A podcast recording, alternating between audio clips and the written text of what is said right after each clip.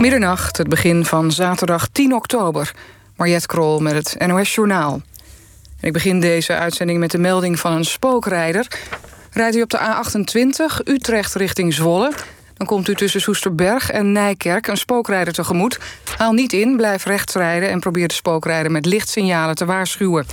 Ik herhaal op de A28 Utrecht richting Zwolle... komt u tussen Soesterberg en Nijkerk een spookrijder tegemoet. Dan het nieuws. VVD-fractieleider Klaas Dijkhoff stapt na de verkiezingen in maart uit de politiek, heeft hij bekendgemaakt. De 39-jarige Dijkhoff gold jarenlang als opvolger van Mark Rutte, ook als premier. In een interview met NRC zegt hij dat hij twee jaar geleden al bedacht heeft te willen stoppen. Volgens Dijkhoff verandert zijn besluit voorlopig niets aan zijn werkzaamheden. Premier Rutte noemt hem in een reactie een vlijmscherp politicus en bedankt hem voor zijn werk. In Dongen in Brabant is een buschauffeur mishandeld door een passagier die weigerde een mondkapje te dragen. De vrouwelijke chauffeur is in het ziekenhuis behandeld aan haar verwondingen. Arriva zegt dat er direct aangifte is gedaan. De dader is nog niet gepakt. Alle ziekenhuizen in Limburg schalen de reguliere zorg deels af... om plaats te maken voor coronapatiënten uit het westen van het land. Volgens de bestuursvoorzitter van het Zuiderland Medisch Centrum in Heerlen... en Sittard Geleen leveren de ziekenhuizen in Limburg nu nog 95% van de gewone zorg... terwijl ziekenhuizen in het westen al 40% van hun zorg hebben moeten stilleggen. De verplaatsing van de patiënten moet ervoor zorgen... dat de reguliere zorg in het hele land weer op ongeveer hetzelfde niveau komt. De hersteld hervormde kerk roept op om het maximum aantal bezoekers per kerkdienst substantieel te verlagen en adviseert mondkapjes bij het in- en uitgaan van de kerk. De kerkorganisatie hield zondag in Staphorst nog drie diensten met honderden bezoekers. Daarna werd afgesproken om het aantal aanwezigen omlaag te brengen naar maximaal 30 per dienst. Aanvankelijk was daar bij de hersteld hervormde kerk veel beroering over. Maar het kerkbestuur zegt nu met het oog op de oplopende besmettingen het advies toch op te volgen. Het weer vannacht vooral in de noordelijke helft van het land regen. Lokaal ook met onweer. De temperatuur daalt naar 5 tot 8 graden. De komende dag verspreidt over het land buien, soms met onweer, hagel.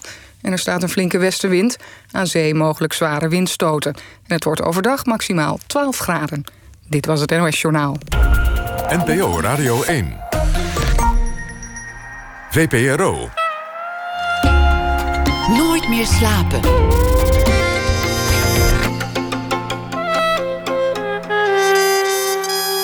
Met Lotje IJzermans. Welkom bij Nooit meer slapen. Vannacht is journalist en schrijfster Dorine Hermans te gast. Hermans is historica en schreef samen met Danielle Hooghiemstra tal van boeken over het Koningshuis. Zoals Voor de troon wordt men niet ongestraft geboren ooggetuige van de koningen van Nederland. En ik mag ook nooit iets. Willem-Alexander in zijn eigen woorden. Maar onlangs verscheen van haar hand Juf, er is een kind kwijt. Een bundeling van columns die ze eerder in het blad Kek Mama publiceerde. Over juffen in het basisonderwijs. Ze schreef al eerder een boek over opvoeding, maar dan over modern ouderschap. En dat heette Geef dat kind een slokje never. Dorine Hermans werd 61 jaar uh, geleden geboren in Maastricht, is gescheiden en moeder van twee volwassen kinderen. Dorine, welkom. Dank. Wie was jouw favoriete juf op die um, basisschool in Limburg? Juffrouw Spriksel. Waarom? Wat deed ze? Uh, dat was een. Sorry. Dat was een. Uh, ja, die, die, die noemde mij altijd de spring in het veld. En dat vond ik gewoon zo leuk dat iemand dat tegen mij zei. Dus, uh, en dat... hoe oud was je toen? Toen was ik twaalf of zo. Dus het was uh, toen waarschijnlijk de juf van de zesde klas of zo? Nee, dat was van, van de eerste klas, van de brugklas. Oké. Okay. Ja. En op de basisschool nog een favoriet? op de basisschool, even nadenken hoor. Daar had ik zulke. ja, juffrouw Stevens vond ik leuk. Uh, die heb ik ook gevraagd om in mijn Poesie-album iets te schrijven. Maar die heeft me toen ontzettend teleurgesteld. Want die had alleen maar, in plaats van een leuk gedichtje... had ze geschreven, wie wil, die kan. Oh. Dat was het hele gedicht. dus, dat, uh, maar goed. En uh, jij komt uit het, uit het zuiden dus. Heb je niet op een nonnenschool gezeten? Ja, zeker. Het was een nonnenschool waar ik op zat. Een meisjes-nonnenschool. Met, ja, met zuster Clara Machtela. Dat was de hoofdzuster. En ja, die, die nonnen die liepen daar door, door school heen... maar ze waren niet allemaal non. We hadden ook gewoon, uh, gewone juffen. Ja. Maar allemaal juffen inderdaad. Iedereen was daar juf of meisje of... Ja. En had je toen al een soort fascinatie voor juffen? Of is dat echt uh, nu door het boek en door de columns en door corona... Waar, waardoor we allemaal toch weer anders naar juffen en verplegers zijn gaan kijken? Ja, dat laatste. Ik, ik heb nooit een fascinatie voor juffen gehad, maar uh, nu wel ik uh, heb dat boek uh, geschreven en uh, ik heb al die juffen geïnterviewd. En ik ben echt van de ene verbazing in de andere gerold over wat die allemaal moeten kunnen. En wat, wat, voor dingen moeten ze nu kunnen? In, in tegenstelling tot de, de, zusters die jouw les gaan. Ja, de zusters gaven alleen maar les. Ze hoefden verder niks. En we zaten gewoon braaf in de klas met onze armen over elkaar. En mo mochten niet naar de wc bijvoorbeeld. Dus het was gewoon een heel Um, en als we op de speelplaats waren, dan, was die omheind. Uh, en je kon er niet af. En niemand wilde er ook af, want iedereen luisterde goed naar, naar de juf en zo. En uh, ja, dat is nu totaal anders. Je hebt... Ze, lesgeven is nu maar één van de dingen die ze moesten doen. Voor de rest hebben ze, moeten ze ook nou ja, sociaal werker zijn, therapeut, een soort um, hoe noem je het nou, bemiddelaar bij, bij echtscheidingen of vooral ja. vechtscheidingen. En uh, ze moeten uh, excursieleider zijn en uh, um, kampleider en administrateur, wat ook heel vervelend is. Um, nou ja, goed. En, en ze moeten allemaal. Ze zijn ook opeens allemaal specialisten in speciaal onderwijs. Omdat, ze, omdat uh, de kinderen um, die eigenlijk voor, voor naar het speciaal onderwijs zouden moeten. Uh, die blijven gewoon op de basisschool omdat er geen geld meer is. Dus die. Um, de, en die moesten de juffen allemaal begeleiden, de juffen en de meesters. Ja, want ik begreep uit je boek, uit het voorwoord, dat uh, het een school geld kost om een leerling naar het speciaal ja. onderwijs te sturen. Dat moet de basisschool die de leerling laat vertrekken, moet dat uh, betalen. Dus Precies. houden ze hem liever in de klas en ja. moet de juf dat regelen. Een ander ding wat me verbaasde uit het voorwoord van je boek, was dat inderdaad juffen de officiële taak hebben om uh, kinderen te begeleiden die eigenlijk slachtoffer zijn van een echtscheiding. Ja, ja daar hebben ze een, het echtscheidingsprotocol. En uh, dat. Ik heb in mijn boek ook een aantal verhalen uh, waarin het niet zozeer over echtscheidingen gaat, maar over vechtscheidingen echt. En waarbij die ouders uh, in een soort oorlog uh, leven, waar die juf dan tussenin staat en probeert dat kind een beetje te, te, te begeleiden daarin. Ja. Ik, je hebt tal van juffen geïnterviewd. Hoe heb je dat aangepakt? Um, nou, ik heb ze eerst. Uh, um, ik, als dat je eenmaal gaat zoeken, dan kom je vaak een heleboel dingen tegen. En um, ik ben uh, gaan zoeken naar die eerste juf die ik kon vinden. En uh, die wist dan weer andere juffen. En ik heb een heel reservoir juffen opgebouwd. Um, Geen meesters? Nou, de, het, de column heette De Juf van die kekmama. Dus de meester kwam niet zo erg voor. En er zijn ook bijna geen meesters. Ik geloof dat 85% van, van alle basisschooldocenten is juf. Ja. Dus um, ja, en ik, ik selecteerde wel de mensen die het beste konden formuleren... en die, die de leukste verhalen hadden natuurlijk. Uh, maar dat, ze, waren allemaal zo leuk en zo bevlogen, die, uh, die geïnterviewden. Ik vond het echt een feest om te doen. En ik doe het nog steeds. Je doet het nog steeds? Ja, die, die column die gaat door. Dus, uh, en ook weer met juffen? Ook weer met juffen, de juf, ja. Vertel eens een verhaal van een juf wat je erg geraakt heeft... en wat in het boek terecht is gekomen. Nou, uh, het, het, het, verhaal wat het ergste heeft geraakt... is van een moeder die uh, overleed op weg naar school... die uh, verongelukte onder een vrachtwagen. En daar hebben toen... de, de juf moest toen de, de, twee kleine meisjes uh, opvangen... van wie de moeder dus net gestorven was. En dat, uh, dat, dat is een ontzettend groot drama geweest. En, en er was nog een andere um, die me ook heeft aangegrepen. Dat was van een vader die zelfmoord pleegde. En ook daarbij moest de juf het allemaal opvangen. Want dat was die ochtend gebeurd. En dat meisje wist van niks. En ze moesten dus op de een of andere manier um, worden begeleid... Uh, dat ze op een gegeven moment dat de vader er niet meer was. En, dat, en die andere kinderen, dus dat die moeder er niet meer was. Ja, verschrikkelijk. Ja. Maar de meeste verhalen gaan over Eigenlijk gi- gingen weinig van de verhalen over het onderwijs zelf, maar altijd over een beetje relationele dingen van kinderen, toch? Ja. Eh, wat bedoel je met relationeel? Nou, hoe ze zich verhouden tot de andere kinderen en Ja, ja, ja, ja. het sociale aspect. Ja, sociaal aspect. Ja, ze zijn. eh, eh, er zaten veel kinderen bij die. ehm, die was een jongetje wat, wat te veel voelsprieten had. Een, een eh, hoogsensitief kind. eh, die er trouwens veel zijn. in, in die columns. En een jongetje dat autisme heeft en daar heel moeilijk kon samenwerken met, met andere kinderen. En ja, ik zal eens even kijken. Ik heb het. Ik zal eens even kijken. Ik heb mijn boek hier liggen. kan ik eens even kijken wat ik hier vind? Ehm, nou ja, er is bijvoorbeeld één, één jongetje, maar dat- ik eigenlijk een meisje voel. Dus Sebastian is een meisje, heet, dat, ehm, heet die column. Eh, nou ja, daar, dat was er vroeger ook niet, eh, transgender kinderen. Die, die bestonden niet, zogenaamd. En, Nou, ze eh, bestonden natuurlijk wel, ja, ze alleen er was wel. geen aandacht voor. Precies, ja. Ja het is, wat dat betreft is, die, is het ongelooflijk eh, veranderd, die wereld van het onderwijs. Ten goede? Ehm, nou, deels wel, deels niet. Ik denk dat, ehm, dat leraren, die, eh, do- docenten, die hebben allemaal wel waarschijnlijk ontzettende eh, moeite hebben ze allemaal met het toegenomen contact met ouders. Want ehm, ouders zijn vaak heel veel eisend tegenwoordig. Die eh, in de tijd dat, mijn, dat ik op school zat, toen was de. eh, het, eh, toen, toen was het gewoon zo dat mijn ouders thuis hoopten dat ik hoop dat mijn kind naar de juf luistert. En tegenwoordig is het meer zo dat de ouders, dat, eh, ouders tegen de juf ongeveer zeggen van ik, ik hoop dat de juf naar mijn kind luistert. Ja. Dus het is totaal omgekeerd. En ik denk dat op dit moment is. ehm, eh, door corona kunnen de ouders niet, niet op school komen. En ik weet wel dat daar eh, best wel docenten niet erg rouwig om zijn. Ja, ik heb het ook begrepen toen mijn kinderen jong waren... dat, eh, dat ze de moeder op de gang, dat vonden ze een moeilijk fenomeen.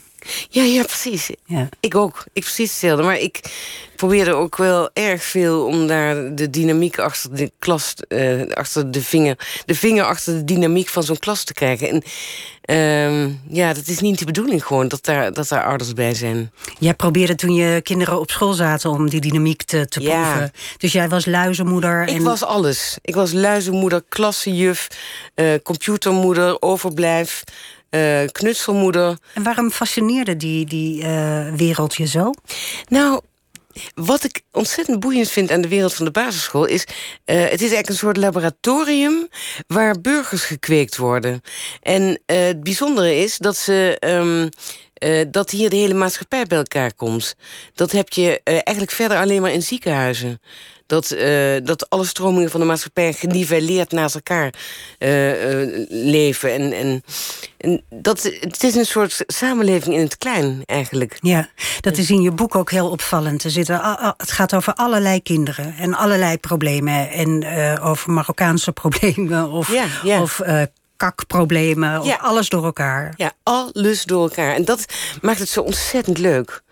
Ik heb echt genoten daarvan. En die, weet je, ze hebben een. Die basisschoolleraren die hebben een blik op de maatschappij die verder alle, al- eh, geen enkele andere leraar heeft. Want eh, op de middelbare school eh, hebben ze geen contact met ouders. En daar zitten weer de, de kinderen die goed kunnen leren bij elkaar en de kinderen die minder goed kunnen leren. Dat zit allemaal weer gescheiden van elkaar. En dat heb je niet op de basisschool. Nee. Nou ja, je hebt natuurlijk wel zwarte scholen en, en Ja. scholen in Amsterdam-Zuid. Ja. En dus in die zin zit er wel verschil tussen. Ja, dat is ook zo. Dat is ook zo. Maar eh, dat is ook zo. Maar dat is dan. Voor de, voor de rest, je, je hebt toch een soort. ehm samen. Ja, nee, inderdaad, die scholen heb je wel. Maar dat, dat is.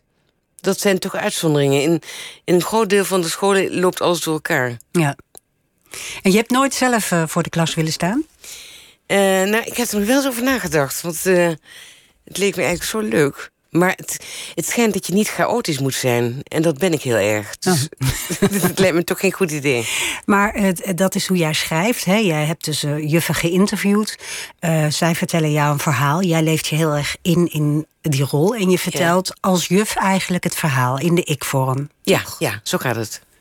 Is het moeilijk? Of is één telefoontje met een juf genoeg om dat verhaal te schrijven? Nou, als je eventjes ehm, je, je, krijgt steeds meer handigheid erin om te weten wat je precies eh, waar, de, de beef is, zeg maar. Dus je kunt op het laatst kun je vrij snel um, een verhaaltje. En als dat verhaal klaar is en een juf kan dat goed formuleren, dan heb je het eigenlijk. Nou, dan kan het heel snel gaan dat je het hebt. Ja. Het kan ook heel lang duren. Dus, uh, en ik doe wel wat langer over het opschrijven, moet ik zeggen. Want ik wil dat elke, elke woordje op zijn plek staat. Ja. En dat je niet hoeft na te denken als lezer. Dat je gewoon vanzelf. Er doorheen glijdt. Ja. Nou, dat, is goed gelukt. Um, um, jij zei net, het gaat eigenlijk over de samenleving, hè? die, die, die uh, lagere school, die basisschool. Jij bent historicus. Als je, als je uitzoomt, kun je dan wat over het tijdsgevricht zeggen? Als je zo al die verhalen over basisscholen uh, hebt gehoord? Ja, het is een vrij unieke tijd eigenlijk. Maar ja, dat, dat is elke tijd. Maar um, het is wel zo dat. Uh, ja, kijk, jij had. Het, het is zo dat ouders van nu krijgen hun kinderen heel bewust. En dat is eigenlijk sinds 1964 zo. En toen werd kwam de, de, de pil, de anticonceptiepil op de markt. Daarvoor kregen mensen gewoon kinderen. En daar hoefden ze niet over na te denken, die kwamen gewoon.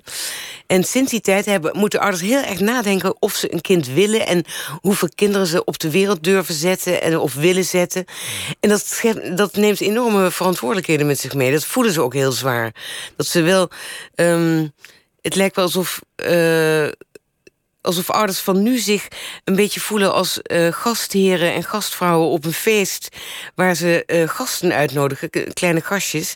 En die moeten dan wel plezier hebben op dat feest, want anders hebben zij uh, iets verkeerd gedaan, die ouders. Dus, en dat, dat, um, dat, weer, dat weerspiegelt zich in alles eigenlijk. Dat, je, dat ze heel erg hun best doen, die ouders. En dat ze ook heel onzeker zijn eigenlijk. Uh, dat zie je aan opvoeddeskundige rubrieken, die, die, die groeien en bloeien.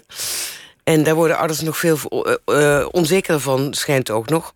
Dus dat, dat draait gewoon een hele bloeiende opvoeddeskundige branche op de onzekerheid van de ouders van nu. Daar heb je eigenlijk ook op ingespeeld hè, met een, met een uh, vorige columnreeks en een vorig boek wat je samen met uh, Els Rozenbroek schreef. Geef dat kind een slokje never. Over waren jullie twee opvoedtantes die eigenlijk uh, alles heel erg relativeerden. De zorgen van de moeders van en, en vaders ook van vandaag. Um, um, in dat in dat boek, ik heb daar zo over om gelachen, citeren jullie uit uh, Badeker. De Bedeker. Bedeker. De Bedeker van de oh, huisvrouw. Ja, encyclopedie. Ik wist niet dat die bestond. Ik heb even gegoogeld en ik, ik, ik heb hem nu ook gezien. Het is een encyclopedie van 25 delen over hoe de moderne mevrouw in de jaren 50, 60 zich moet gedragen. En uh, ik schrok eigenlijk van hoe jong het nog maar is dat er een soort gelijkheid is tussen man en vrouw. Want laten we het even hebben over dat boek wat daarin staat. Want misschien, uh, ik kende het niet, ik had er nooit van gehoord. En misschien de luisteraars ook niet. Misschien kun jij wat vertellen? De bedeker van de huisvrouw. Ja, dat is, is eigenlijk ontstaan in een tijd na de oorlog... Uh, dat huishouden een soort wetenschap begon te worden.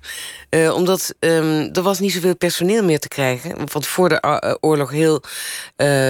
toen was, was personeel heel goed, goedkoop. Maar nu had je, um, was er geen personeel meer.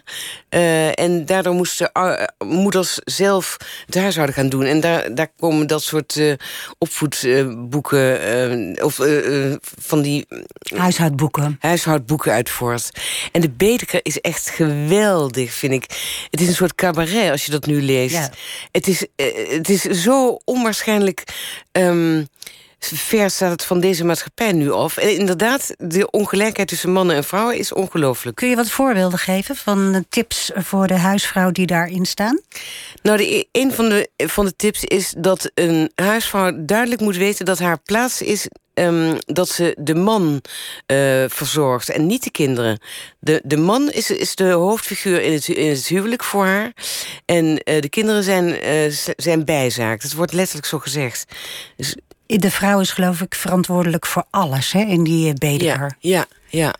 Voor het seksleven. Voor... voor het seksleven, die is ook wel heel geestig. Dat, dat, dat, um, er wordt op een gegeven moment gezegd... Um, het seksleven van... Wacht, ik ga dat eventjes kijken of ik dat hier ergens kan vinden. Want dat is namelijk zo'n gekke... Uh, hier, zo'n gek citaat. Um, het seksuele leven in een huwelijk is even aantrekkelijk, maar ook even gevaarlijk als een slingerende touwbrug boven afgrond. Het is niet de man die bepaalt of de geslachtsdaad een zegen of een vloek voor de vrouw zal betekenen, maar zijzelf. En zo gaat het hele tijd door met allemaal dreigende uh, citaten. Um... Zonder ook maar ooit expliciet te worden waar nou dat gevaar in zit. Ja, nee, precies. Nou ja, het gevaar is een van de gevaren is dat um, de man overspel gaat plegen als, ze, uh, als de vrouw niet. Als zij uh, verzaakt. Ja, precies. En dat is ook een reden waarom ze echt meteen na de zwangerschap wordt in de bedeker gezegd... echt zo snel mogelijk weer um, beschikbaar moeten zijn in bed... om te zorgen dat die mannen geen overspel gaan plegen. Het is een ongelooflijk boek. Het bestaat uit 25 uh, encyclopedische delen. Per deel 200 bladzijden. Heb jij ze allemaal gelezen? Mm, ja, mag ik zeggen, maar het is natuurlijk.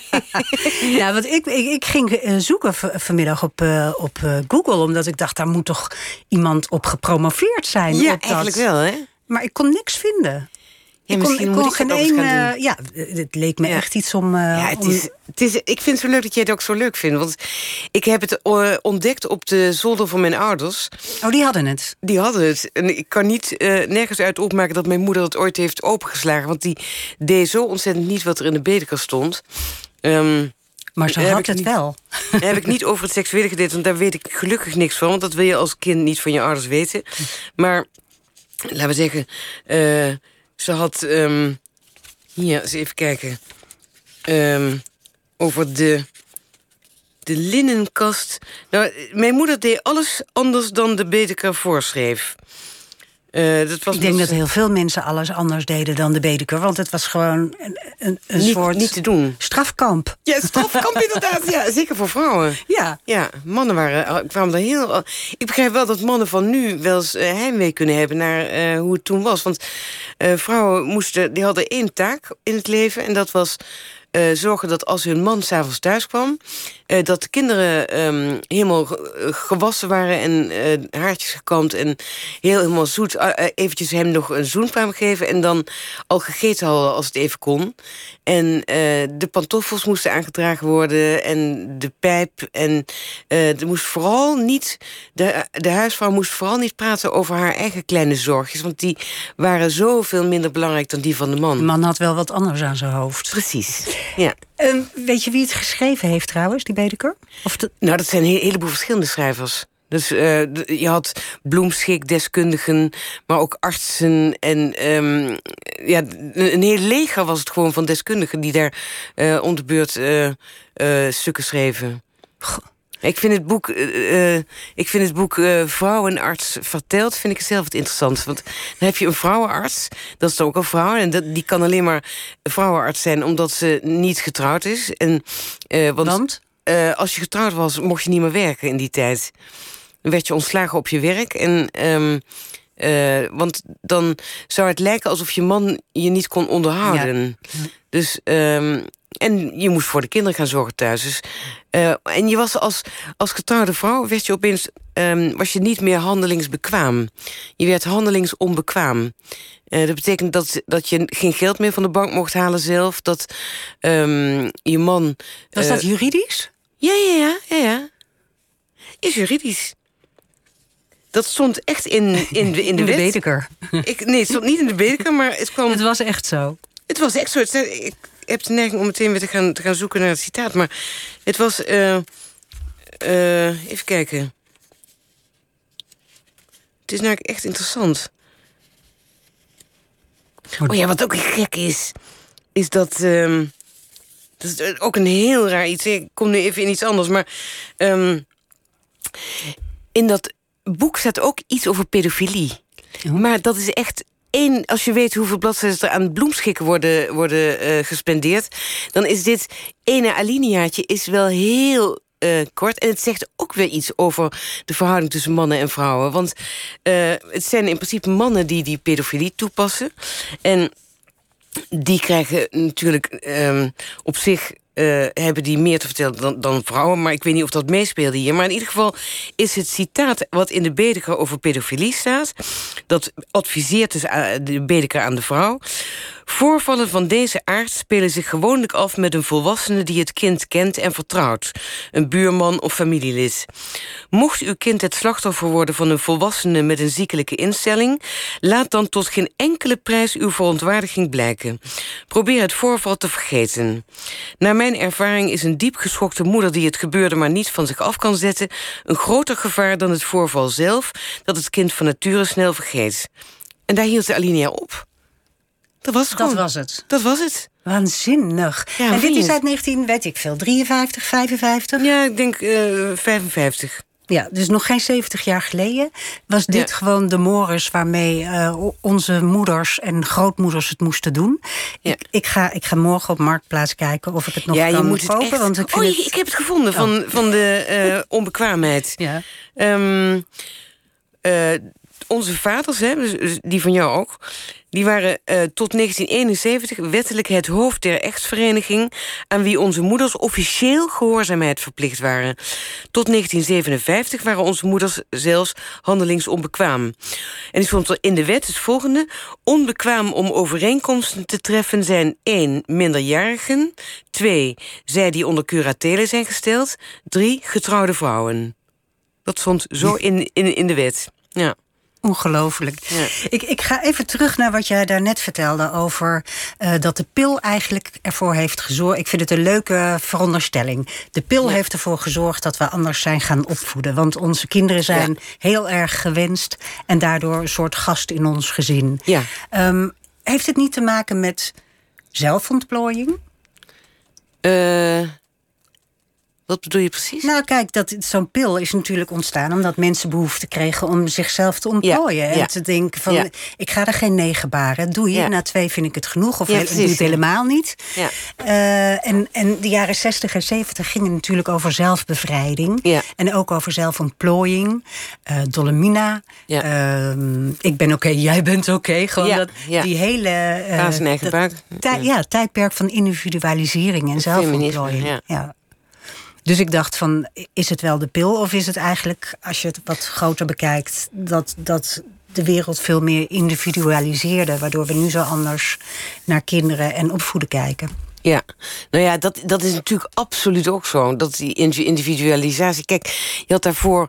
ehm, eh, dat is een, ge- een gevolg, eigenlijk een gevolg uiteindelijk van de oorlog, waarin ehm, het fascisme ehm, eh, juist de eenvormigheid heel erg benadrukte. Eh, daardoor, daar kwam uiteindelijk die individualisering, ik vind het een moeilijk woord, eh, vandaan. Gaat heel goed. Ja, ik zei het goed, hè? Ja, Individualisering. Ja. Ja. Ehm, daar, eh, en dat heeft natuurlijk ook ontzettend veel effect gehad op, eh, op het opgroeien van, van kinderen. Iedereen, eh, de, de generatie van de hippies, eh, wilde niet meer doen wat hun ouders gedaan hadden. Namelijk in die oorlog onder andere gewoon luisteren en gehoorzamen. De meeste mensen.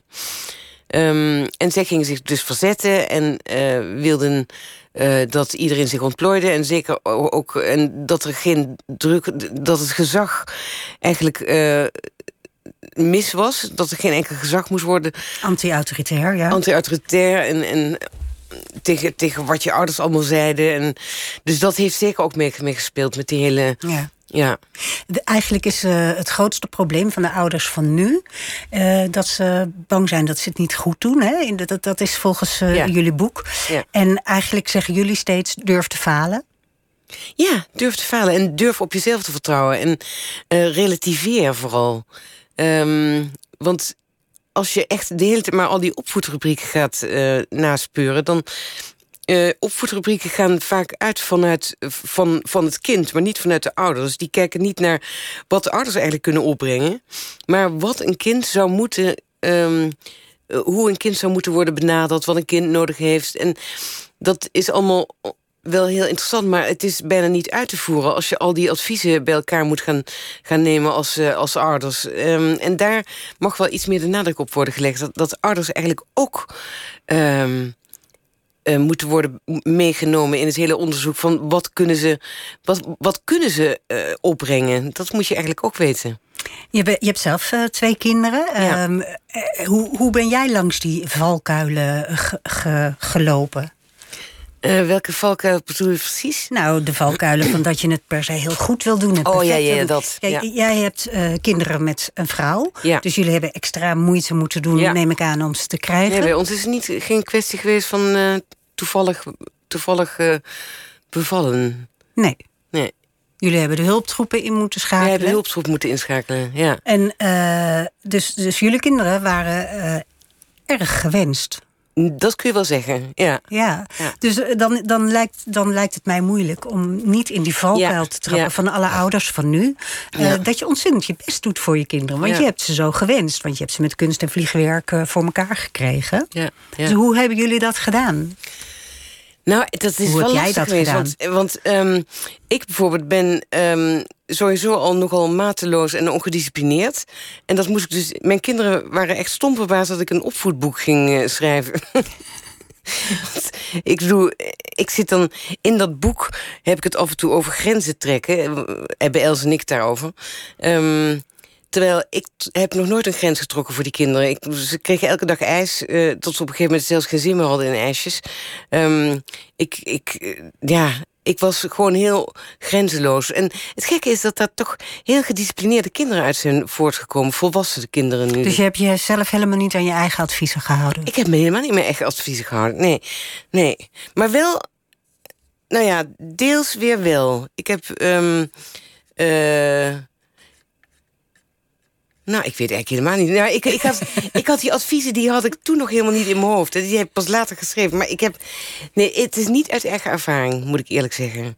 Nou, Maar grappig. het, eh, eh, ja, we zijn wel ontzettend Misschien is het, is het dat jullie eh, zo'n opvoedboek of zo'n boek over juffen nu kunnen schrijven, juist omdat je eh, in de zestig bent en eh, met een enige afstand en Ja. succesgevoel waarschijnlijk naar je eigen kinderen kijkt. Ja. Ik vertel nog even, eh, we praten met eh, Dorine Hermans. Eh, zij is hier voor het boek Juffer is een kind kwijt, toch? Eh, wat, ges- wat ze geschreven heeft. En dat gaat over eh, het leven van juffen anno nu. Maar eigenlijk niet alleen van juffen, maar ook heel erg van kinderen en hun eh, veel eisende ouders. En verder hadden we het over de manier van opvoeden nu en vroeger. Met het geweldige Bedeker boek Ja. bestaande uit 25 delen. Ehm, hoe was je eigen jeugd? Je Eh. moeder was, een, was geen goede huisvrouw, zei je net Nee, al. die was geen goede huisvrouw, maar die was wel heel erg leuk. Het was een soort warm kacheltje was het. Een heel snorrend warm kacheltje. En ze, maar ze, ze gooide er helemaal met, de met de pet naar wat de Bedeker allemaal zei. Dus eh, in de Bedeker had je bijvoorbeeld... Ja, dan moest je bijvoorbeeld zorgen dat je elke avond...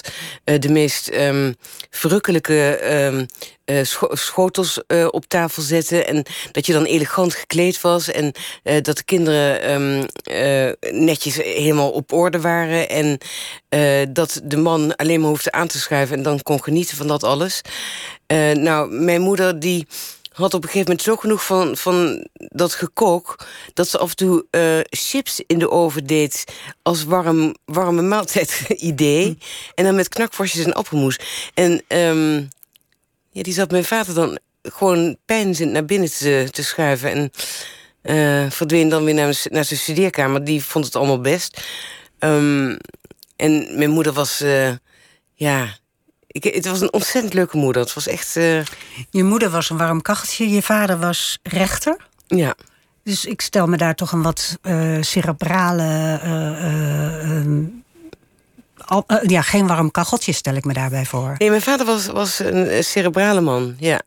Maar die had les extreemse touche. Ze, had het, ze konden elkaar goed vinden omdat ze zo verschillend waren. Dus zij vond hem geweldig eh, slim, wat hij ook was. En hij vond haar geweldig eh, briljant met kinderen, wat ze ook was. Ja. Dus eh, Dus daarin vonden ze elkaar. Je vader was in, had in een kamp gezeten in Nederlands-Indië. Had hij daar veel last van? ja, daar heeft hij heel veel last van gehad. Waar merkte je dat En aan? wij, wij als kinderen natuurlijk ook wel, omdat hij... ja, hij, hij ging... Hij was toch... Hij ging heel erg zijn eigen gang. Ehm, was... hij had... Hij praatte echt niet zoveel over die Jappenkampen. Iets wat uh, normaal schijnt te zijn voor mensen die uit Jappenkamp, uh, in Jappenkamp hebben gezeten. Uh, die praten daar nooit over. Maar je voelde het in alles. Dat hij verdrietig was, dat hij um, moeite had. Hoe oud was hij toen hij daar zat? Hij was. hij kwam erin op zijn achtste, geloof ik. En toen hij tien was, moest hij naar het mannenkamp.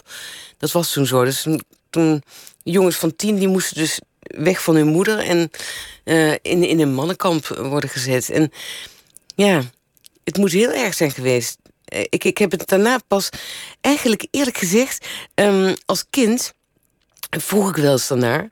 En, en dan begon hij al heel snel te huilen.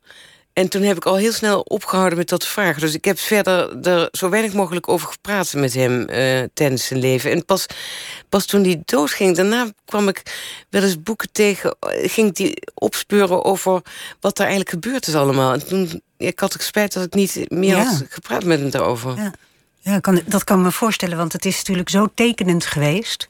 En je weet nu niet wat hij heeft meegemaakt. Ja. Uh, je komt uit het katholieke zuiden. Hoeveel kinderen? Vier maar. Oh, dat is ook niet veel. Nee, ik vond ook. Ik zei tegen mijn moeder: van, tegen mijn moeder waarom hebben wij maar zo weinig kinderen? Want uh, de buren hadden negen kinderen, de buren daarop hadden er twaalf. Uh, dus ik vond vier gewoon helemaal niks. Maar ja, dat was te wijten aan miskramen. Anders hadden ze ook veel meer gehad, denk ik. Ja, want de pil was er nog niet. Nee. Hoe vonden je ouders het dat je op vrouwen valt? Um, eens even kijken. Nou, mijn vader. Uh, die was daar wel, vond ik achteraf vrij geestig over. Maar dat wist hij zelf niet, ondanks zichzelf. Uh, die zei namelijk, toen ik dat vertelde aan hem... zei hij, um, als je dit maar nooit verder vertelt... want dan vind je nooit meer een man. dat was hem net het idee. dus hij accepteerde het eigenlijk niet. Hij kon het niet geloven. Nee, hij komt. Uh, ja, hij, hij, hij, zei, maar je bent helemaal niet een type daarvoor. Want ze hadden allemaal het idee van dat je dan gewoon alleen maar heel mannelijke uh, meisjes of jongensachtige ja. meisjes moesten. Die dat, uh, ja. Heeft het strijd opgeleverd? nee, geen strijd. Maar ik heb wel gevoeld dat ik ze. Um, ik vond het heel rot voor me. Dat was eigenlijk een beetje stom. Ik vond het rot voor hen dat ik hen dit aandeed. Uh, terwijl het eigenlijk. Um, ja, ik, ik kon er niks aan doen. En, maar ik, je moet bedenken, ik uh, groeide op in Maastricht. Um, in die tijd was dat gewoon, was homoseksualiteit gewoon een, vrij ernstige ziekte. Uh, en dat, ja, mijn moeder ook, die, die was, ze waren zo bang dat ik niet gelukkig zou worden. En toen hebben ze uiteindelijk, toen moesten ze daarna nog een tournure maken. Want ze moesten ze ook nog uh, meemaken dat wij kinderen kregen. En dat hebben ze. Uh, uiteindelijk zijn ze, hebben ze, zijn ze 100% omgedraaid. Ze hebben uh, gezegd: Nou, we zien hoe gelukkig je kunt zijn. dus ja, het was helemaal geen punt meer voor ze. Maar in het begin was het wel moeilijk. En ik weet dat mijn, mijn moeder, toen ik op mijn zestiende, vertelde ik het voor me eerst aan mijn moeder. En uh, ik zei, ja, ik geloof dat ik verliefd ben op een meisje. En dat ik verliefd word op meisjes. En toen zei mijn moeder, die zei helemaal tevreden en vrolijk... zei ze, um, schatje, dat staat op, dokter, op eh, bladzijde 67 van dokter Spok. En het gaat gewoon over. Dus uh, ik was helemaal blij. Ik dacht, nou, het gaat godzijdank over. Maar het ging dus niet over. Maar eigenlijk namen ze het dus niet zo serieus. In het begin namen ze het niet serieus. Nee. En later moesten ze het serieus gaan nemen. En toen waren ze er heel verdrietig over. En daarna zagen ze hoe gelukkig ik was geworden. En toen waren ze helemaal oké okay daarmee. Het grappige was dat uh, je zei tegen je vader... je vader vroeg wat ga je doen na school? Jij zei ik wil op psychologie studeren, toch? Ja. ja. Zei hij nee. Nee, het was in drie minuten is toen vastgesteld wat mijn studiekeuze zou worden. Uh, ik um, wilde zelf. Eh, ja, ik kwam er eigenlijk nauwelijks achter, pas heel laat achter dat ik überhaupt iets moest kiezen. Dat, dat het afgelopen was met mijn middelbare school. Daar had ik, had ik een beetje verdrongen allemaal. Want ik vond het daar heel leuk. Um, maar ja, toen was het zo dat er toch een studie moest worden uitgekozen. Dus ik zei tegen mijn vader: wat zal ik dan gaan doen? Toen zei hij. ik was nog heel jong, ik was pas 17. Dus ik, ik was veel te jong eigenlijk om dat soort keuzes te maken. Um, toen heb ik aan mijn vader... eh, dat heb ik dus tegen mijn vader gezegd. En die zei, eh, wat vind je leuk? Zei nou, psychologie.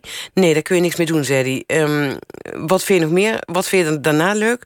Toen zei ik, eh, geschiedenis. Zei hij, ja, daar kun je mee voor de klas gaan staan. Dus dat, Maar dat ga je hoezo doen. kon je niks doen met psychologie? Ja, dat vond hij. Dat was toen het idee dat je psychologen, dat je daar eigenlijk. Psychologen waren toen nog iets minder in de. Eh, hadden iets minder status op dat moment. En ik denk dat, dat mijn vader dat misschien Ja. dacht van... daar kun je geen droog brood mee, verdienen. Maar En geschiedenis is degelijk. ja, dus en, daar, daar eh, kon ik mee voor de klas staan. ja. Ja. Dat heb je nooit gedaan.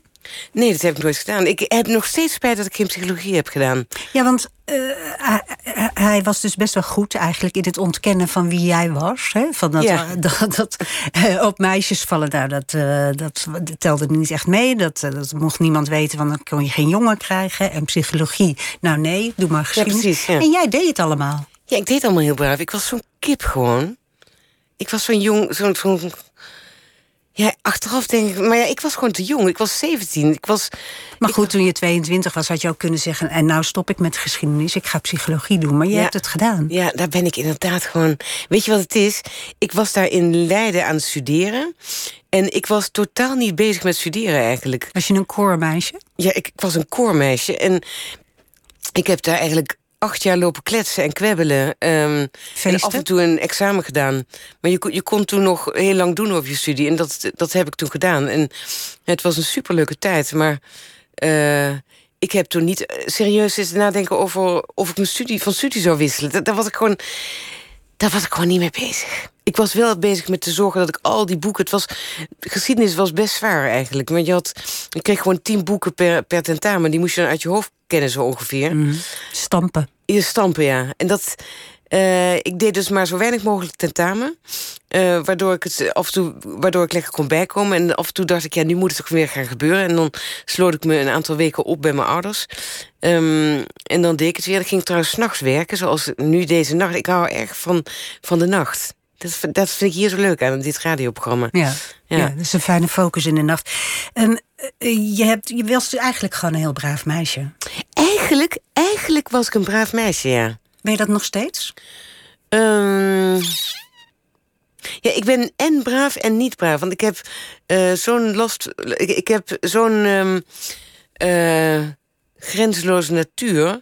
dat ik daardoor toch het, het niet helemaal kan opbrengen om een braaf meisje te zijn. Dus ik bedoel, ik, ik, ben, ik doe alles te veel. En, en te, te, te laat kom ik overal. En te, te veel te.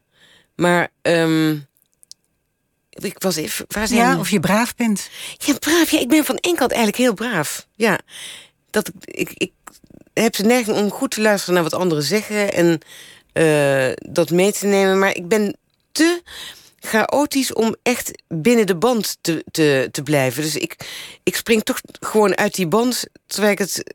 Terwijl het omdat ik niks, niks, niks ik kan, kan het niks, niks anders. Wacht, dit is een hele moeilijke zin. Eh, ik kan het. ehm, het lukt mij niet om binnen de lijntjes te blijven. Dat is het Ja, eigenlijk. dus ik, ik kan me wel iets bij voorstellen. Dus je volgt een, een advies. Ja, En dan binnen dat volgen ja, gaat het alle kanten uit. Ja, zo is het. Heel goed gezegd. Oké. Ja. Ehm, ja, op een gegeven moment kwam je bij Pieter van Vollenhoven terecht. Je hebt die Ja. geschiedenis heb je afgemaakt. Eh, je bent voorzichtig journalist geworden. Ja. Toch? En iemand zei: eh, Ga jij maar eens Pieter van Vollenhoven interviewen. En eh, zo werd je opeens Koningshuis-specialist. Ja, dat was heel raar, want ik, ik was eigenlijk totaal niet geïnteresseerd in het Koninklijk Huis. Ehm, mijn enige ervaringen waren eh, toen ik een jaartje of acht was. Sorry. Toen ehm, eh, zijn Beatrix, nee, koningin Juliana en de prinsessen... die kwamen in, in Maastricht over het, op het Vrijthof. En eh, daar was ik heel opgewonden over, want ik dacht dat er een koets aankwam... met, eh, met prinsessen en met, Ja, met kroontjes en lange jurken en zo. Maar er kwam gewoon een auto voorbij met een paar mevrouwen erin. En toen ik vroeg aan mijn moeder waar ze nou waren... toen zei ze, ja, dat, dat waren ze. Nou, het was zo'n anticlimax. En ik heb verder...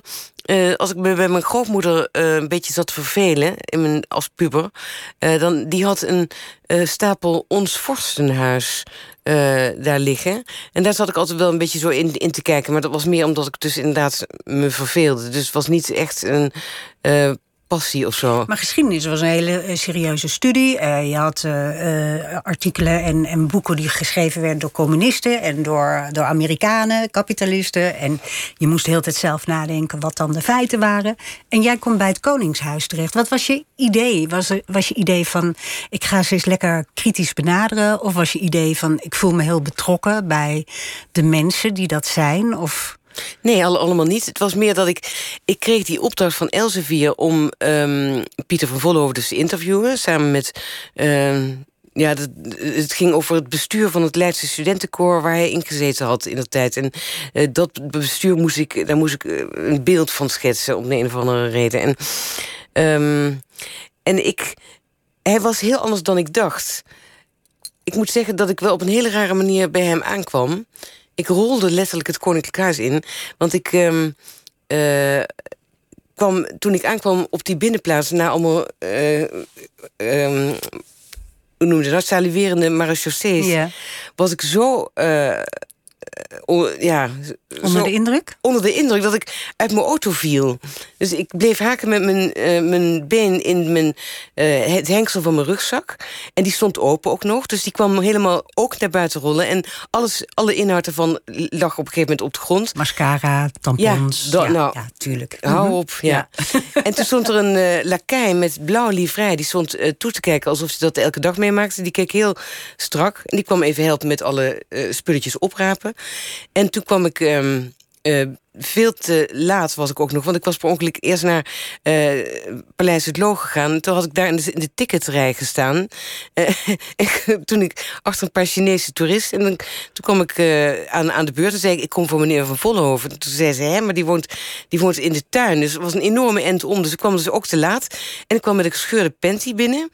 En achteraf gezien was dat eigenlijk de beste manier om Pieter van Vollenhoven op dat moment te benaderen. Want die was toen nog heel bang voor de pers. Want daar werd hij al heel lang werd hij kapot geschreven. En um, je zag hem gewoon denken, nou, voor dit schaap hoef ik niet bang te zijn. Uh, en dat het was ontwapenend. Wat je, ja, het was, in feite een soort Bridget Jones-achtige. Ja, ja, ja. Uh, en, en ik denk dat hij daarom heeft hij dingen zitten vertellen aan me. Um, waar ik door geïntrigeerd was. En waardoor ik, hij zei onder andere dat. Het is nu een beetje een gemeen, gemeen goed verhaal. Iedereen weet nu dat hij het moeilijk heeft gehad. Maar toen was dat nog helemaal niet bekend. Hij zei tegen mij dat, dat de eerste tien jaar van zijn huwelijk een soort nachtmerrie waren geweest. En wat was meer allemaal dingen waar hij gespannen over was. En toen dacht ik, ik ga een boek over hem schrijven. Over de eerste Nederlandse burger die, uh, niet-adellijke burger, die lid wordt van uh, die de entree maakte in het Koninklijk Huis. En toen is het eigenlijk doorgerold uh, toen je Daniela Hooghiemstra leerde kennen. Toen dacht ja. je, met haar samen wil ik ook nog wel een boek doen. Ja. opeens was Daniela je. Heet Wat zeg je? Daniela. Ze heeft... Oh, sorry. Nee, nee, maar dat, dat, dat, er is eigenlijk niemand die Daniela zegt. Valt mij op. Dus, maar ze heet Daniela. Daniela, maar je noemt de monarchie op een gegeven moment een vernuftig toneelstuk waar Ja. we allemaal aan meedoen. Ja, ja. ja dat is Is dat toch- nog steeds zo? Ja, dat is altijd zo.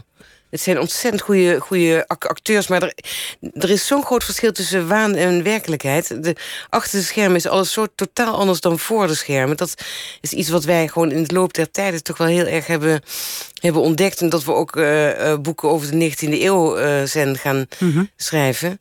Ehm, Over de Willems. Over de Willems. En eh, ja, daar kwamen we wel erachter dat het. ehm, wacht even, wat was ik nu? Ik ben even. Mijn, Nou, je, je noemt het een Oh ja, vernuftig. En jij zegt achter de schermen en voor de schermen is een enorm verschil. Ja, wij zullen nu pas over 30 jaar weten wat er nu gaande is.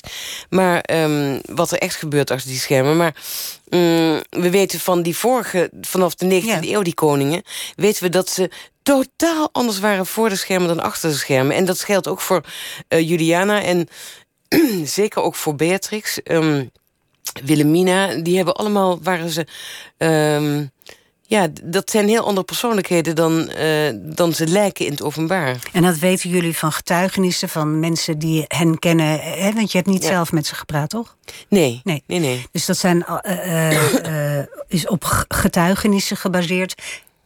Een bepaald boek was Beatrix Not Amused. Nee, die was toen boos. Ja. Dat was ook wel een belevenis hoor. Dan kom je erachter wat de sociale, wat de- macht van koningen is. Ehm, we hebben dus dat boek geschreven. Voor de troon wordt men niet ongestraft geboren. Het ging over de koning Willem 1, 2 en 3. En daarvoor hadden we eh, in het Koninklijk Huisarchief eh, mogen rondneuzen om daar. ehm, ja, om daar stukken uit op te diepen. Maar dat mochten eigenlijk alle eh, jo- journalisten en wetenschappers mochten dat doen eh, sinds eh, van als het ging over voor 1898, omdat daar mensen, de mensen van toen gewoon nooit meer in contact hadden ku- kunnen staan met mensen van nu. Ja. Dus de, de privacy was daarbij eh, gewaarborgd. Maar goed, wij, wij mochten daar dus in. En ehm, toen hebben we, zijn we van de ene verbazing in de andere gerold. Wat er allemaal achter die schermen allemaal wel niet af, zich afspeelde. En dat hebben we ook allemaal. ehm, ja, we hebben gewoon mooie stukken uitgekozen die we zelf eh, interessant vonden en goed geschreven. En geestig of pijnlijk of, of, of ontroerend of wat dan ook. Stukken die even niet van die, van die eh saaie geschiedschrijving waren. saaie, Nee. precies. Precies. Nou, en toen, eh, toen heeft ehm, de koningin laten, naar buiten laten brengen via de RVD dat ehm, eh, ons boek een eh, veel te negatieve selectie had. Dat we een veel te negatieve selectie hadden gemaakt eh, van de stukken die onder andere uit het Koninklijk Huisarchief waren, ehm, die we daar hadden gevonden. Nou, jullie hadden gezegd, Willem, even kort door de bocht... Willem 1 is hebberig en eigenzinnig, Willem 2 biseksueel... en Willem 3 een onbehouden hork. Ja, Daar kwam het een beetje op neer. Krankzinnig ook. krankzinnig. Willem drie, ja. Hoe, hoe, wat gebeurt er nu met Willem, Alexander en, Maxima en de prinsessen... wat wij allemaal niet weten? Heb jij daar ideeën over? Afgaande op al die dingen die wij niet wisten van die andere koningen. Ja. Nou ja, misschien. ehm, ik, misschien bemoeit Willem-Alexander zich veel meer met de regering dan wij weten. Hij heeft het ehm, recht om te, eh, te waarschuwen, te- geïnformeerd te worden, eh, te adviseren en te, te waarschuwen. Er is nog zo'n zo'n tritsje eh, waar hij recht op heeft. En ja, bijvoorbeeld, dat, dat zou kunnen. Eh, Misschien doet hij ook wel eens niet wat de minister-president wil. Zoals Juliana wisten we pas 30 jaar nadat ze het deed. ehm, die heeft een eh, speech gegeven in Amerika voor het Ja. congres. En die speech eh, was een speech die ze zelf heeft geschreven. En ze weigerde de eh, speech uit te spreken van de mini- minister van Buitenlandse Zaken. Wie was dat, Luns of zo? Nee, dat was, even kijken, wie was het ook weer? Ehm, nou, ik ben de naam nu even kwijt. het was niet. Luns. Maar ehm, de regering was daar ontzettend ontstemd over. Maar ze heeft gewoon haar eigen speech gehouden. En eh, Jij denkt dat bijvoorbeeld Willem-Alexander zo'n zo'n speech die hij eh, op 5 mei hield... Waar, waar vriend en vijand toch wel van onder de indruk was... ja, die was heel goed. dat ja. hij dat zelf... Ja, maar eh, dat, dat, ja, ik denk dat hij sowieso heel veel invloed heeft op welke speeches hij zelf houdt. Ehm, maar nou ja, je weet het allemaal niet. Het is, ehm, het is heel raar, die, die politiek en die, en die royalty, hoe dat met elkaar verweven is. Eh, je hebt toch ehm, ministers nodig die de rug recht houden en geen, zo heet het, zoals het heet, geen slappe knieën hebben als ze eh, een eh, koninklijk huislid tegenover zich hebben. tegenover zich hebben. En- Want kijk, die sociale macht van, van, van koningen...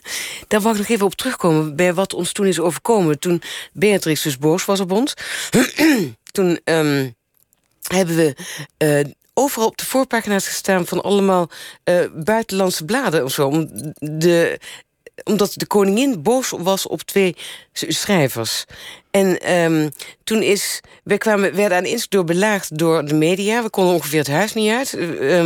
Eh, en toen we twee dagen later kwamen we in de leugen regeert terecht. En toen, bij, terwijl we binnenliepen, zeide de regisseur... Zei, eh, premier Balkenende is nu ook boos op jullie. Oeps. Ja, oeps. en ehm, uiteindelijk, wat, wat eh, heeft ze ook weer... nou ja, goed, dat was dus... eh, oh ja, wat ik dan nog interessant vind... is dat eigenlijk niemand precies wist waarom de koningin nou zo boos was. Want ze hebben... Mensen snelden naar de winkels. eh, de de uitge- uitgever drukte meteen 10.000 extra exemplaren... toen Beatrix boos was. Mensen snelden naar de winkels om ze te kopen, die exemplaren. En eigenlijk kon niemand goed, eh, goed bedenken... waarom er eigenlijk zo... wa- waar die boosheid vandaan kwam. En ehm, toen zijn er drie biografieën... wetenschappelijke biografieën zijn er in de maak eh, geweest... geweest. En daaruit bleek dat het allemaal veel erger was dan wij dachten. Die drie wetenschappers die hebben gewoon de meest. die hebben alle drie die koningen met de grond gelijk gemaakt, zo'n beetje. Dus het klopte wel degelijk wat Het jullie... klopt wel eh, degelijk, ja. Ik zou nog heel lang over het Koningshuis willen praten, Want ik vind het machtig interessant. Ja, heerlijk, hè? Ja. Maar ik, ik wil ook nog wat anders van je weten. Ehm, je, bent, je bent vaak een duo hè? met eh Hooghiemstra, met Els Rozenbroek. Mhm. Eh, schrijven met iemand, hoe werkt dat? Ja, het is, eh, het is een beetje een huwelijk eigenlijk. Je moet eh, elkaar wel heel goed kunnen vinden. En ehm, met, vooral met Danielle, daar heb ik, eh, even, even kijken, ik geloof vier boeken mee geschreven. En op de een of andere manier, ja, het gaat of het gaat niet. En je moet respect hebben voor elkaars werk. Ehm, je moet elkaar echt leuk vinden ook. Want anders wordt het ook niks. En ja, zoals wij het altijd deden, was gewoon heel erg veel telefoneren. En eh, stukken heen en weer sturen, waar dan de ander weer overheen ging. En dan kwam de ander weer. Dus ja, maar dat kan, het luistert heel nauw. En het kan eigenlijk alleen maar als je elkaar echt eh, ja, respecteert. Ja. Je, je hebt nu dit boek heb je alleen geschreven. Je schrijft die column nog steeds in je eentje. Ja. Eh, wat, wa- nou, even sowieso, waarom ben je van het Koningshuis afgestapt? Nou, dat is meer toeval. Ik, ik, ehm, ik ben er niet echt van afgestapt hoor. Eh, ik sluit niet uit dat ik in de toekomst weer wat, wat mee ga doen. Maar, ehm, en ik volg het met interesse allemaal. Maar ik vind, dit kwam op mijn pad. Eh, de column De Juf, eh, die werd mij gevraagd om die te maken. En toen ben ik wel echt gegrepen geraakt daardoor. Dus eh, ja, mijn leven gaat altijd in toevalligheden. eh, je leven hangt een beetje van toev- toevalligheden aan elkaar. En dit is een toevalligheid dat ik die. eh, dat ik opeens geïnteresseerd raakte in juffen. Ja, dus, maar, maar je bent ook alleen gaan schrijven... terwijl je daarvoor Ja. echt vier, vijf boeken samen met de mensen had geschreven. Ja, maar ik heb wel. ik heb wel. Eens even kijken, ik heb wel. Eh, Ik, ik, kan het af en toe niet meer, maar ik geloof dat ik iets van vier boeken alleen heb geschreven. Oké. Eh, vier, nou, dat, dat ik heb tegenwoordig een Wikipedia-pagina, daar kan ik het op, opzoeken. ik snap niet hoe ik eraan kom aan dat ding. Ik, ik kwam hem bij toeval tegen en ik begrijp gewoon niet hoe dat werkt. Maar opeens zag ik mezelf staan bij Wikipedia. Ah, leuk. En, het handige was dat ik daar kon zien welke boeken ik allemaal geschreven had. Ja. En Op die, op die Wikipedia, want ik heb hem ook even bekeken... zag ik Oh. ook dat je eh, gescheiden bent onlangs. Ja. Dus ik dacht van, eh, je, bent je leven is helemaal in, in verandering. Ja, En Ja. niet alleen met dat schrijven. En niet, hè, ik als buitenstaander denk dan, oh, niet meer het Koningshuis, maar opvoeding. En niet meer eh, een duo schrijven, maar alleen schrijven. En niet meer getrouwd, maar gescheiden. ja. Is, is dat een, een, eh, een lijn in je leven op dit moment? Of, of heb ik dat maar leuk zo van de buitenkant bedacht? Ja, ik denk dat je dat een beetje van de buitenkant hebt bedacht. Het zijn allemaal ook weer toevalligheden die een beetje bij elkaar komen. Maar ik vind het wel op zich. eh, nu je het zo zegt, vind ik het wel interessant eigenlijk. Wie weet is dat iets wat, wat inderdaad wel een. Is het zo dat je nu veel meer op jezelf bent teruggeworpen en eh, jezelf opnieuw moet uitvinden? In, eh, en na, Ja. Jullie hebben 30 jaar een gezin gehad. Ja. Eh, nu ben je gescheiden, je bent 61. Het lijkt mij best moeilijk om, om jezelf opnieuw uit te vinden. Hoe doe je dat? Ja. Nou, dat gaat met vallen en opstaan. Met vallen en opstaan. Het gaat er ook heel erg met behulp van onwaarschijnlijk leuke vrienden die ik heb. En lieve en trouwe vrienden. Ik, daar, daar ben ik, kan ik niet genoeg dankbaar voor zijn. Dus wat dat betreft ben ik, eh, heb ik genoeg warmte en geborgenheid om me heen... om het eh, allemaal op te vangen, zeg maar. Maar het, het lijkt me zwaar. Ja, het is ook zwaar. Het is ook zwaar. Maar ik heb ook hele leuke kinderen. Dat maakt ook heel veel uit. En, en ik, heb nog steeds een prima relatie met, eh, met mijn ex. Dus ehm, eh, dat, daar zit nog steeds eh, liefde en warmte is daar. Dus dat, dat scheelt ook. Het is, allemaal, het is geen vechtscheiding. Dat, dat lijkt me echt, dat lijkt me echt zo'n drama. Maar dit is gewoon niet leuk. Maar ja, wel te doen. Dat klinkt dapper. Ehm, ehm, als, als biograaf, hè, je hebt dus eh, biografieën geschreven van, van, van Pieter van Vollenhoven en van, eh, van de Willems. En wat herken je van jezelf in hen? In die koningen. Ja, in die biografieën. In die biografieën.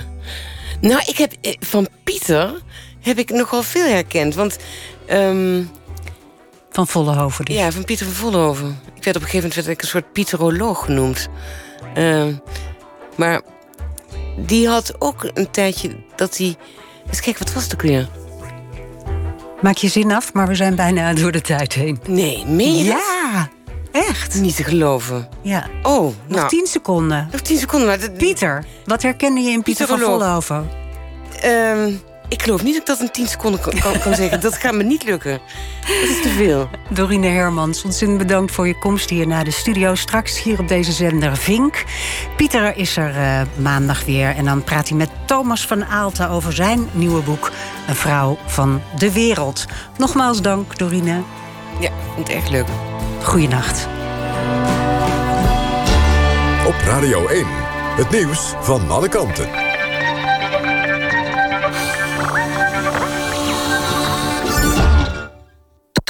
NPO Radio 1.